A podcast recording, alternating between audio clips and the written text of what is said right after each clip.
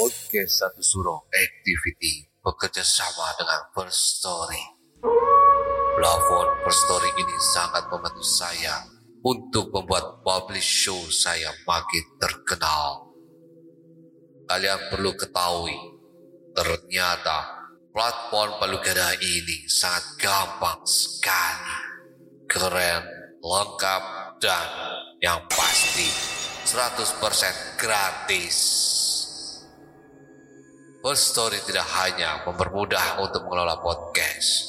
Dalam hal distribusi pun, First Story memiliki banyak jaringan, di antaranya Spotify, Apple Podcast, Noise, dan platform podcast lainnya. Podcastmu pun bisa monetisasi di First Story, menghasilkan keuntungan yang berlimpah. Tidak perlu berpikir lama, segera gunakan First Story dan bikin podcast kamu jadi terkenal. Gak pakai lama.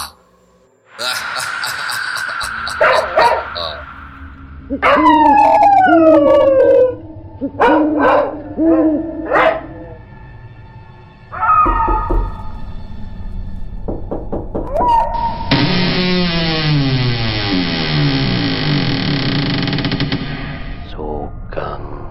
Rahu, Doro.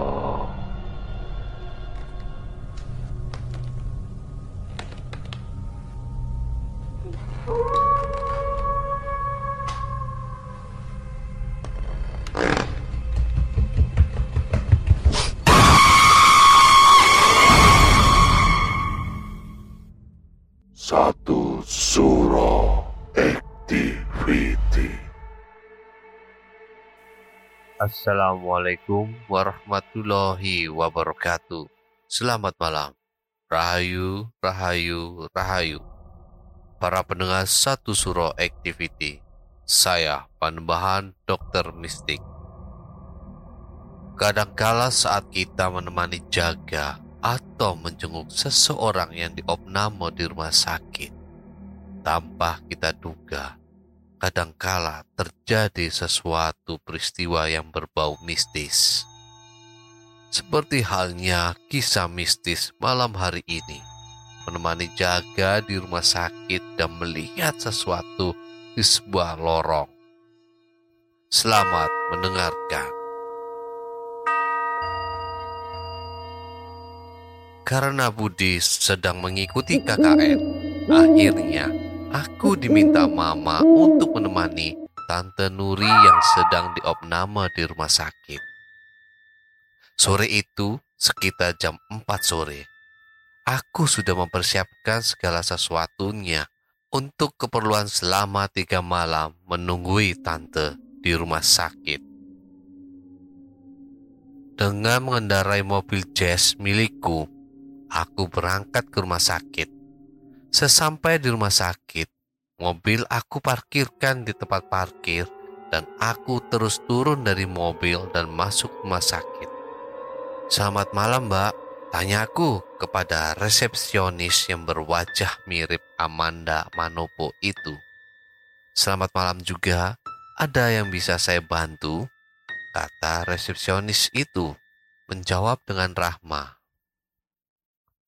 Aku kemudian mengambil catatan yang aku bawa. Aku baca, ruang melati kamar 24. Mbak, kalau ruang melati di mana ya? Tanyaku. Resepsionis itu kemudian dengan jari telunjuknya menunjuk ke arah kanan. Bapak jalan saja terus ke kanan dan nanti dekat tangga ke lantai dua belok kiri terang resepsionis itu kepada saya. Aku pun terus menuju ke arah yang dijelaskan resepsionis tadi. Sesampai di ruang melati, aku cari kamar 24. Tidak sulit, kamar yang aku cari pun ketemu. Pintu kamar aku buka, dan di dalam Tante Nuris sedang tidur, tergolek lemas tidak berdaya.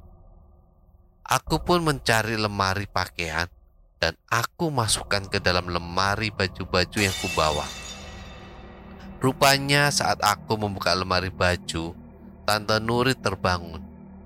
Siapa itu? Tanya Tante Nuri lemah. Aku menoleh. Tante menatapku dari kejauhan. Saya Andre Tante, sahutku dengan menoleh ke arah Tante Nuri. Andre? Terus Budi ke mana? Tanya Tante Nuri lemah. Aku mendekat ke tempat tidur di mana Tante Nuri berbaring.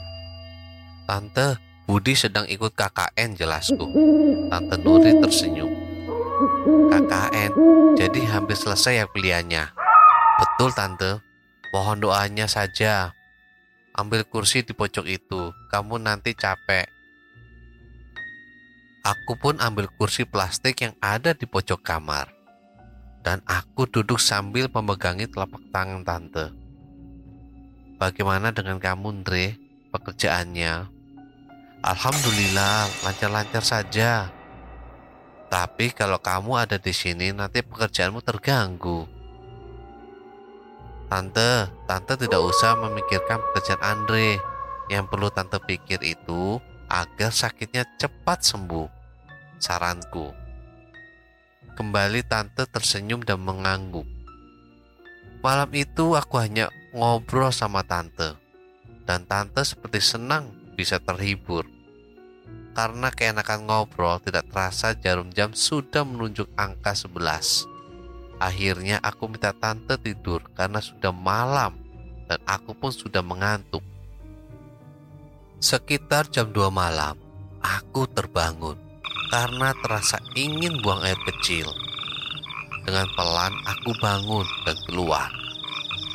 Di luar kamar, suasana sepi hanya terdengar suara-suara serangga malam yang saling bersautan menyambut datangnya malam dan sesekali terdengar suara orang berteriak dan tertawa. Itu mungkin orang-orang yang sakit karena stres. Dengan pelan aku berjalan mencari kamar kecil.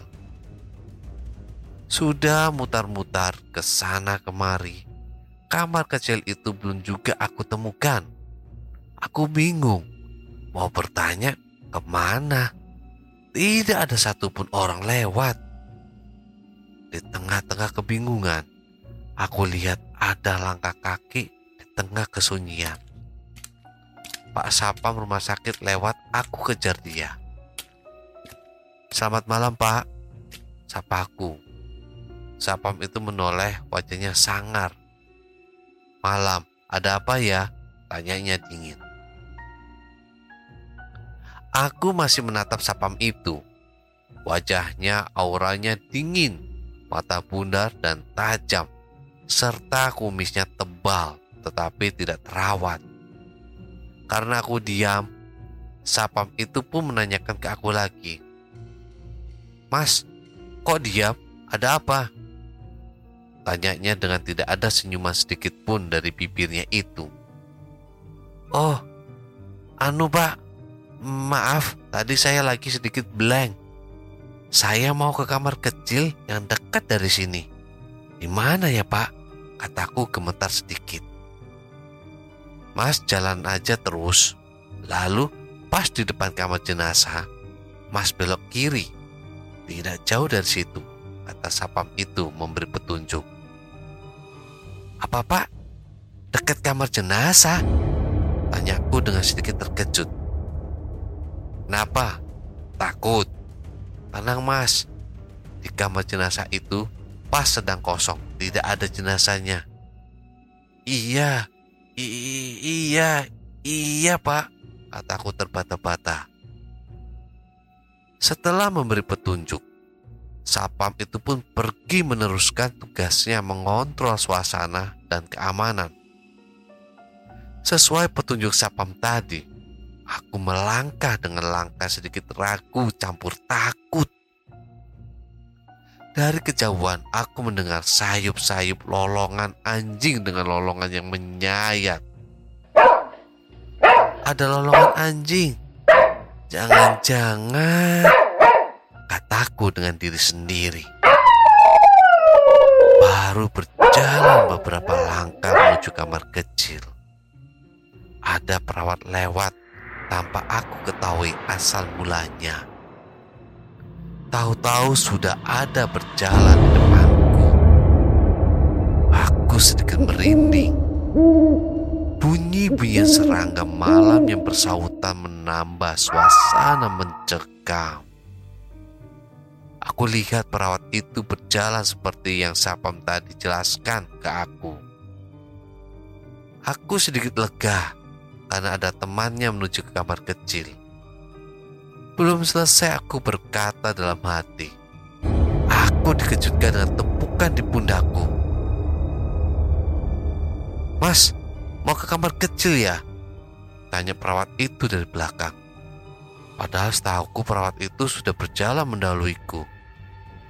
Astagfirullah, kataku merajuk sambil menoleh ke belakang. Perawat itu senyum manis. Maaf membuat mas merajuk, kata perawat itu. Aku masih diam. Aku masih belum habis pikir perihal keberadaan perawat itu. Mas, bengong. Ah, tidak, tidak, cucu cuma, cuma apa? Perawat itu memotong pembicaraanku. Cuma lagi bingung. Ujarku kemudian. Malam itu aku tertidur di kursi dekat meja dan bangun-bangun sudah jam tujuh lebih. Sembari mengerjam-ngejamkan mataku, aku lihat Tante Nuri sudah bangun membaca novel sambil tiduran. Tante sudah bangun, kataku berjalan mendekati Tante. Tante Nuri melirik sembari senyum.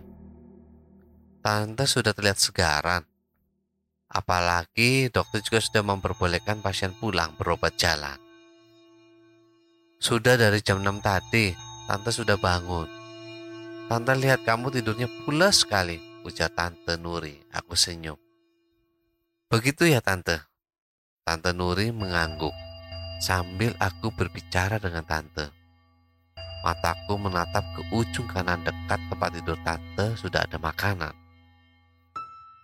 Tante itu sudah ada makanan. Tante sudah makan belum? Agar bisa minum obat karena perut sudah terisi. Nasihatku ke tante. Tante memiringkan kepalanya dan melihat makanannya. Belum, tante masih kenyang. Oh iya Andre, Tadi perawat yang mengantar makanan itu cantik. Malah setelah meletakkan makanan sarapan itu di meja, dia titip salam buat kamu, kata tante. Aku kaget, titip salam. Kenal saja belum. Apa tante? Perawat itu titip salam buat saya, tanyaku heran. Tante mengiyakan. Tapi tante itu sepertinya tidak mungkin dah tidak mungkin bagaimana? Kamu kira tante bohong? Tante, dengan perawat itu saja saya belum pernah ketemu. Loh, katanya kamu semalam ngobrol sama dia di lorong 13. Mendengar ucapan tante seperti itu, aku langsung ternganga-nganga. Tante, betul itu? Iya, dia bilang begitu. Itulah tadi bagian pertama episode Lorong 13. Nantikan kisah selanjutnya di Satu Suro Activity. Para pendengar Satu Suro Activity, tinggalkan catatan doa kalian di kolom komentar, like, subscribe, dan bunyikan lonceng keramatnya. Para sahabat Satu Suro Activity, tetaplah iling lan waspodo. Assalamualaikum warahmatullahi wabarakatuh. Salam, salam, salam. Rahayu, rahayu, rahayu. Sahabat.